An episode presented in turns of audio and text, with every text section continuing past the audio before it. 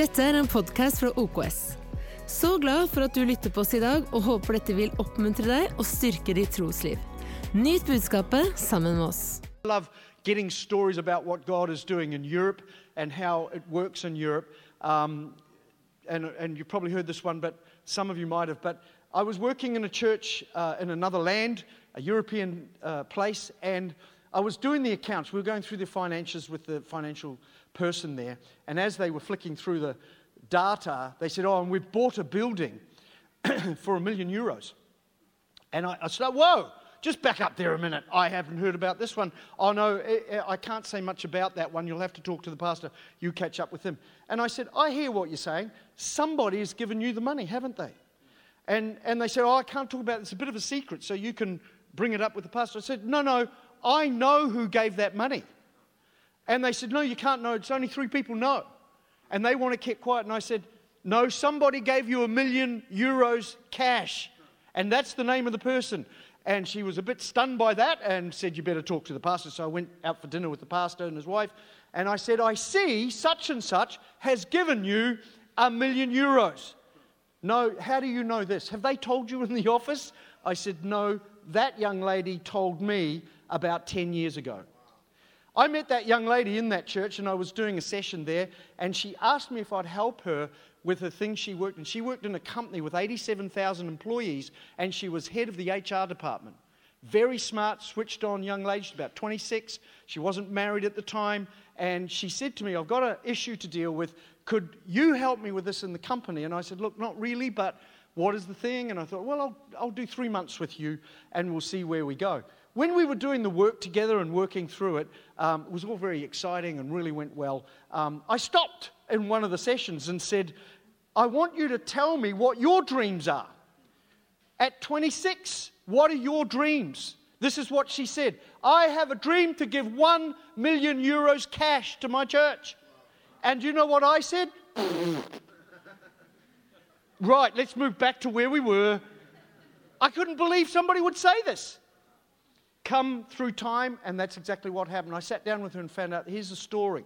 She was headhunted from that company to another company, and she was a startup company. She was earning lots of money, and she said to them, I don't want to earn, uh, you're paying me too much. Well, we'll give you stocks into the company, ownership. Well, I don't care. I just like to do the job. Don't worry. The company grew and grew. But the Holy Spirit spoke to her in about, uh, I think it was about March or something like this, to sell her stocks of the company. This was about two years, three years ago. So she went to the manager and the boss and said, Oh no, I want to sell up my stuff. And he said, That'll take about three months. Why would you do that? I don't know. She said, I just think it's the right thing to do. She sold them in three months, and almost a week after, the stocks dropped by 50% in that company. She looked at how much it was. She went back, and she, she was married by that time, and she said to her husband, Let's go out and hand this, we'll slide this envelope across to the pastor, and they did, and he opened it up, and there was a transfer of one million euros to the church. Now, what's significant about that is that it's not an American story. You often hear those in America. This is where we live. This is now our world. This is what God is doing here. And it's an amazing work that is happening here. Another story is a guy I know in Scotland. He lives in a town of about 200,000 people. His church was booming, and, but he had a very small old church building in the middle of town and he couldn't get parking he couldn't get a place to you know for people to gather but he was doing about seven services on a sunday and it was just going and he said god i've got to get something more permanent for us it's easier for people to come into he went around and looked at blocks of land. He went to buildings. He went out of town. He really did a full-on search. Uh, this was only recently too about a year or so ago. And, uh, and he couldn't find anything. He just didn't know what to do. And he knew the church would be stunted, would stop, stop growing if he didn't do something about this.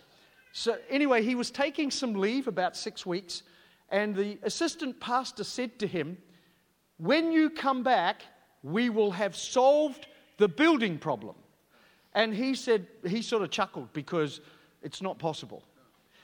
Anyway, a few weeks went by, and he got a phone call from his assistant pastor And the guy said to him, Are you seated? Are you sitting down? Why? Well, I have some news for you. We have just got access to the new, the old communes uh, facility. They had a massive um, um, auditorium that they would seat 2,000 people in. And it was, they were moving it to the airport and they were selling that particular one. It was worth about 40 million pound, which would be 500, 500 million Norwegian krona up there. And he said, they are willing to sell to us. He said, Well, that's a giggle. Where do we get that money from? Well, he said they've come up with a deal of three million pound. And he said, Oh, I can't believe that one. He said, I'm telling you now. Now, this building, you got I've been in this building. This building seats about 1,200 on the floor, and the extra 800 seats, you push a button and they slide out. You don't need free willies to stack those chairs. You just push a button. He took me around. It has a cinema of 600 seats in it. It has work for the kids. The, the, the work for the kids, the room for the kids, are bigger than many churches I know. It just goes on and on. They have a six story tower with a revolving restaurant on the top that they want to lease out. There's offices, parking out the back. There's a huge 600 uh, housing departments, uh, housing centre going, being built out the back of the church. So they're right in the middle of an amazing opportunity to grow. So he came and he thought, well, we're going to try and do this. He does the numbers in his head. He's not sure if he can make it work. He gets back home and he meets with his team and they say, we think we can get this along across the line. Three million is a lot of money, three million pound. The commune rang him and said, we've got to have a meeting and it's got to be urgent. And he thought, here we go now. Now we're in trouble. So they go to the meeting with the commune and they, the commune sit them down and they say to them, Listen, we've got a problem. Uh, here we go. This always happens. The problem is that we don't want to take anything from this building with us. Now, this building has a room probably as big as that area over there, full of 2,000 plates, bowls, knives and forks, cups and saucers that they use for conferencing just sitting in this place, all stacked up. Sound equipment, lights, Everything is there. We're not taking any of that. We're leaving it here. We just want to walk out and start again. So we will deduct a million pounds off the price if you're happy with that. Well, he said, I'll have to pray about that one, won't I? Listen, these are our stories. And there's more of them. These are the ones I know. You might know others. I believe there is something amazing happening in the house in Europe, and it's just starting. And you've started something here, you've got a great property, and you should be blessed by that and, and be willing now. Let's fill it out. Let's, let's get our friends here. Let's do something with it. Anyway, that's not my message, that's the introduction. Well, that's not even the introduction, that's just a good idea.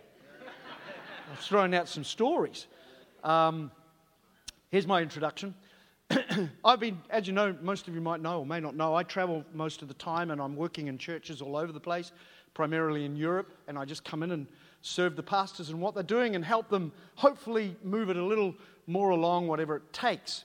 Um, recently, I was in a place and I met a guy, and I don't know how he got hold of me, but he sat me down and he, he started going on about some stuff, and he was really quite he wasn't in a good place. Now, he had been involved in ministry. He was a person, I knew his history.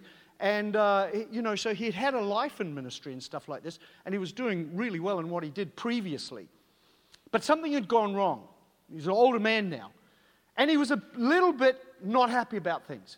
And I started to talk to him and said, Where, where are you going to church? And he said, I don't go to church. I've tried going to church, but it, it actually makes me physically sick to go to church. I'm a bit shocked. I said, Are you kidding me? He said, Actually, to be honest, I hate church. And I, do you know, something popped out of my mouth and it just came out, and I said, You need to learn to love what God loves. And you know, his mind started to work that out. And he was a bit shocked himself here now, because, and I was too, because I didn't even know what that meant. So I came home I got home and left that discussion and I thought, here's what I'm going to do. I'm going to look in Scripture, the New Testament, and I want to find the passages that state categorically what God loves. Now, we know by implication there is many things God loves, but it's implied rather than stated. There are three verses in the New Testament that state what God loves. Would you like to hear them? Thus simple, you'll all know them. You go, of course. Here's the first. Now, listen. All of these are being what we call deconstructed. All these ideas, these three ideas, are being deconstructed. That deconstruction means there are people out there that don't like these ideas and they're going to pull them apart. There are people out there who do literally hate some of the things that God loves and are trying to destroy it. And they're pulling it apart. That now deconstruction leads you nowhere. It's an endless pit of nothingness. You just pull out the foundations and you keep going because you're never happy. Here's the first one, and you'll know it. For God so loved the world. It can't get any easier. But there's people I'm finding who are even wrestling with that one. Why is this building, I'm not talking yours, but many places I go, why is it blacked out and we've got the lights and it's, you know, it's a sort of a, like a disco. Oh no, a club or something. Disco's my time. Club or something. And, it, you know, why don't we just get back to the foundations of just getting together in small groups, singing kumbaya, picking fluff out of our belly button, lighting candles, and, and sing together some old stuff and just be the house and, you know, block out some of these people who are out there in the world. And, and, and well, I'll tell you why we won't do that because God loves the world. And this door, I hope, will remain open to anyone who is struggling out there in the system of the world to find a place, to find God, to know Him and we should keep our doors open. And if that means we sacrifice as mature Christians, that we will love what He loves. I was brought up in the day where you didn't love the world in the sense of um, even engaging and trying to reach them. You had to keep away from the world. When I first got saved in 1974, it was, when I was two years old, you can work out the numbers from there. Um, when I first got saved, I was, it was preached in my church I was in don't go to the movies because there are demons in the movies who accept the worship of you watching the movie. And I thought, I'm going to go and see one of those. So I immediately went to the movies and couldn't find one. But that's how we looked at the world. We should never be afraid of what God loves. We should never think it's greater than what God loves. Greater is He that is in me than what is in the world. And if God's loved the world and He came and gave His only Son, why, why did He do that? If you're here today and maybe you're a visitor, you're here for the first time, or, or maybe you're not a Christian or you're away from God and you're wondering about things, the idea of everything that's happened here this morning is about you. Yeah, well, that's another thing some people say. You know, our messages are all about the world, the lost people. What about me? Can't I get some food? Well, here's how you do that. You just open your Bible Monday, Tuesday, Wednesday, Thursday, Friday, Saturday. And when you come on Sunday, you just appreciate what you have rather than come here to get what you haven't. This is not about deep teaching here. It's not about us getting topped up for the week. It's about celebrating together what God has done in the week. And the world makes contact with us. This is the why. This is the mission. This is why we are here. Because for God so loved the world. And that gospel message is so easy to work through, and we often talk about it as just one thing. It's five things. The gospel is very clear. Number one, we are made, all of us, in the image of God. Number two, as a, nation, as a group of people, as, a, as, as humanity, we have lost that image. Number three, you cannot get back to God on your own merit. There's nothing good enough we can do to make God satisfied. Number four, Jesus came, lived on this earth, in this world, because he loved it, gave his life for it to reconcile us back to God. And now we have an abundant life. Somebody said to me once, Abundant life, how's that going for you? I said, Abundant life is not about things, abundant life is about what we carry. Abundant life is about the peace and the joy and the power of the Holy Spirit that we have. This, the, the, the, the, the soteriology of what's happened. Salvation has done a work in our lives that somebody said this morning that we have this oasis here of hope. Friends, this is amazing what he's done. Why? Because God loves the world. Let's continue to reach the why. Here's the second one. You'll be glad there's not 72 of these, eh? There's only three. Here's the second one Jesus loves the church. Well, that's not hard. But how many times do I meet people who've got problems with the church to the point, as this guy had, where they move out of it and try to destroy it? Oh, you might say, no, that's not happening. Oh, I bump into too many people like that. I was in a church recently, and it's not in Europe actually, I was in America. Young lady came up to me and she said, You know, I, um, I had a friend over who's really unhappy with the way things are in church life and stuff and been a bit grumpy about things. She's got a three year old daughter. And the three year old daughter walked up to me and said, pulled on my uh, trouser leg and said, I hate your church. This lady, I said, she got down on her knees and held the little kid's face with her hands and she said, Honey, don't ever say things like that. She looked at the mum and said, Do you want your child to speak like that? Yeah, that's okay. Why wouldn't she want to? That's fine. What is that about, friends? Why would you literally teach somebody to hate what God loves? Why would we even go down that road in our head ourselves at any time?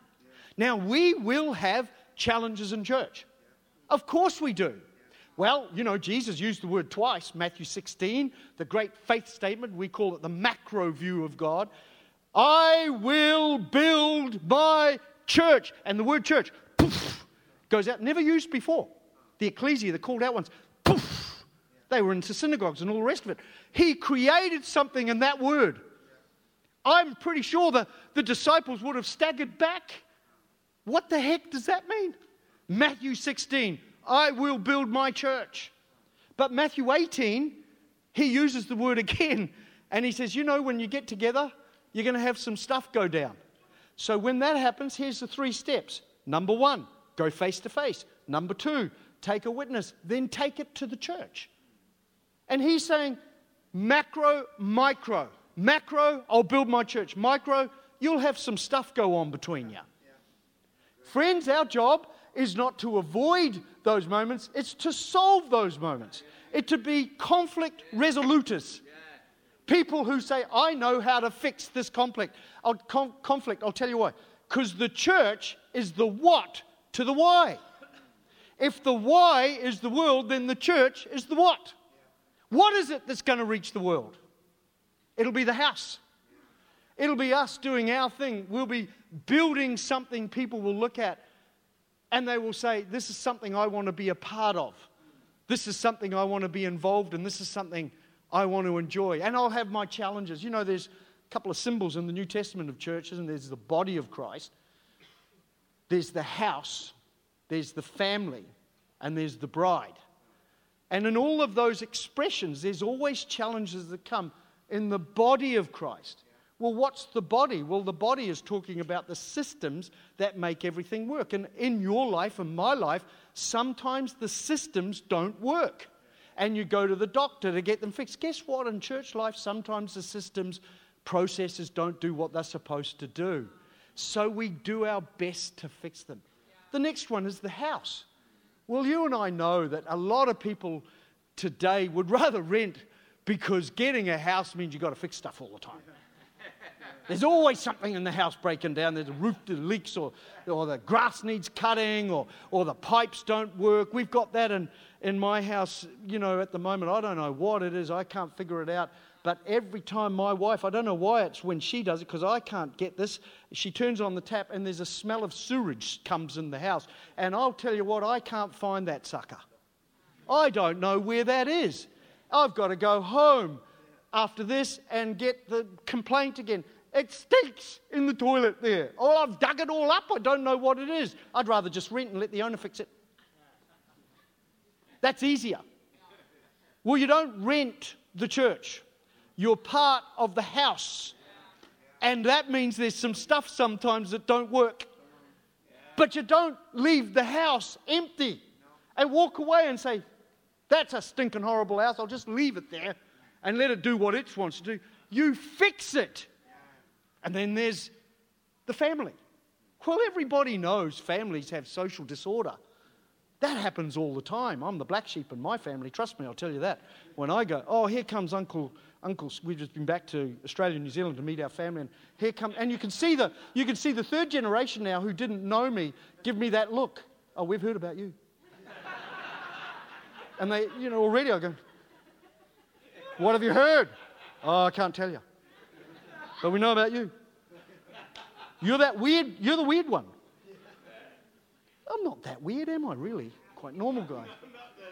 Hey, hey, didn't ask for your opinion, you Spanish, Swedish, try to be Norwegian person. Anyway. Oh, by the way, I should be fair. I've known them a long time too. They're good friends and good people and they're doing an amazing job. Is there anybody else I don't know here? Okay. So, the, the family can break down. And, friends, what do you do if you, if you want good family? You fix up the stuff, yeah. you work on it. And then there's the bride. What's the bride mean? Well, it's all the glory and splendor of the church. And you know, on the day when the brides get married, some things do go wrong on that day. Well, there's YouTube clips on that that are very funny. You can access those yourself. But maybe the bride cries and gets a bit teary, and you know, they leak a little bit of makeup. Sometimes the men do that too now, it's getting that way. And um, there's a little bit of makeup down here, a little bit of black line, and it just doesn't look right, doesn't it? Because she wants to be absolutely perfect on the day. Guess what, friends? The house, the church, the body, the family will always have these challenges. Our job is to fix them, not run from them, and then throw stones at the glass house. We must love what God loves. And I'll be the first person that'll put my hand up to any hater, any person, and say, Don't do that here with me. And I'm going to challenge you. Maybe you have to do that occasionally too. Maybe you have to say, I love what God loves. And I won't go down that road. That's the what. Then I ask, what's the third one? Anybody want to hear the third one? Actually, guess it. Try and guess it. What's the third one? What would it be? Here it is. Colossians, it says this God loves a cheerful giver. Well, talk about deconstructing that one. Here's what it says God loves. I know people who are cheerful, they don't give. And I know people who are given, they're not very cheerful about it. But you put the two together and you've got the how of the what to reach the why. The why is the world, the what is the church, and the how is through our consistent, reliable, cheerful giving that enables us to pay buildings off where we can have access to a, a centre like this and others too, where we can employ men and women to help us do our work, where we can throw money back into community and build. Ladies and gentlemen, God loves a cheerful giver. Giving is three things in the New Testament tithing, offerings, and sacrificial giving. Those are all mentioned there. In fact, actually, if you're not sure about that, I've written a book on tithing, and you can access that in the bookshop out there. It's in Norwegian. Uh, it's been translated by Hermon Press. So if you want to get hold of that, on tithing as God's economic engine in the New Testament, generosity is what we do after the tithe. When we give after the tithe, we're being generous to tithe is just the thing we do to be a part of God's economic engine. And then there's times when we sacrificially give, when it hurts us to give, when we don't really want to give, but we do anyway because we want to bless what God is doing. Why? Because God loves a cheerful giver. It doesn't say He just loves giving, and it doesn't just say He loves happy people. He puts those two together. God loves a cheerful giver. This is the how to the what to reach the why. Now, those little words popped out in my mouth there, and it wasn't until I started to investigate actually, was I saying the right thing to this guy? That I realized how important these three things are. They really are just the basics of what we do, aren't they? Reaching the world through the church with all our resource. That's it. It's that simple. And God loves Every single bit. I don't even have to talk about, hey, it'd be a good idea if you went to church. It'd be a good idea if we gave some money. It'd be a good idea if we loved the world or reached the world. Actually, God loves those things. So, this is what this means, ladies and gentlemen. Whether we are here or not, whether we are present or gone, whether we have moved or reshape ourselves, God continues to resource those things because that's what He loves. It's never ending, it will not stop. It will go on regardless without us. But I don't want to be the person on the side who doesn't like what God loves or resists what God loves or stands against what God loves. I want to be the person that joins hands with what God loves. I don't know what that means to you. It may not mean a lot. Maybe you might say, well, that's a very basic idea. But I think sometimes the basics are the things we miss the most. Sometimes we get caught up in the detail and the technocracy of things and all the complexity of stuff. And sometimes we get caught up in our emotional life and our thinking life and maybe even our academic life. And, and we start to lose touch with the basics, the things that God loves. And I want to encourage you today to be a lover of what God loves. Not just an agreeer, not just a person who says, Well, I like the idea but rather a lover of what God loves. I've been a Christian 50 years this year. And I'll tell you, yeah, I got saved before I was born. And, um, and I'll tell you right now, the best part of this life is if you connect with what God loves and just keep resourcing what God loves, it gets better for you and your life and your world all the time. Because you know you're reaching the why through the what and you know how to do it. I encourage you today, if there's things that are going on in your world and things around you, that you put your hand up and say, I have chosen today to love what God loves. Maybe some of you are in, in that dilemma of on a line, I'm not sure if I should, what, what do I stand on this? And I've heard this and I've, I've what am I going to do? Now, I've told you already, this stuff we do, the system breaks down, or, or the family thing goes wrong, or the bride gets, it, that happens, guys. And it'll continue to do so if you read a bit of church history. People have asked me about what do you think of the, things in the world today. And I said, read history, read church history. We've been doing this for 2,000 years, all the ups and downs. And you know why we're still here and bigger than ever before? Because God loves doing this. It's what He loves. And I'll tell you now, if He loves it, it's going to work. If He loves it, it will always break through. If He loves it, nothing can come against us. Let me pray for you guys now. Father, I thank you today for this place. I thank you, Lord, that in this house there are men and women who love what God loves. We want to see the world impacted. That means that we leave our, we fling our doors open to men and women who may not know you and may not walk with you. And everything we do is surrounded around them having opportunity to know who you are. We know you love this house. We know you love the church globally. And we know that you are working through the church globally. Stories tell us this. Let us be the men and women who stand up for what you love and not be the ones on the line who play the game of yes, no, maybe, but rather we firmly state this is where I stand. And let us join together with what you're doing through our resources in this part of the world where we are so blessed to be able to resource what you love and do it in a way where you reach out to us because you love cheerful giving. Just while your eyes are closed here, there might be people in this building today and you are away from God and you've come for whatever reason. Somebody might have brought you along. Or maybe you're not a Christian and you're seeking. You've trying to figure out what it all means. I've talked to you a little bit about what the gospel is the good news. It's called the good news. It's the good news because you don't bring anything to the table. Bad news is when I have to bring something to the table. Oh God, I hope I'm good enough. Oh God, I hope you accept me for what I've done, even though I've done things. Oh God, I hope, I hope you will. Will I feel so bad in this place, but would you accept me? No, listen. Here's how it works. He he doesn't accept us, we accept Him. It's nothing to do with us. We accept Him. I'm not good enough, He is. I, I can't do the work He has. I can never be holy enough. He is.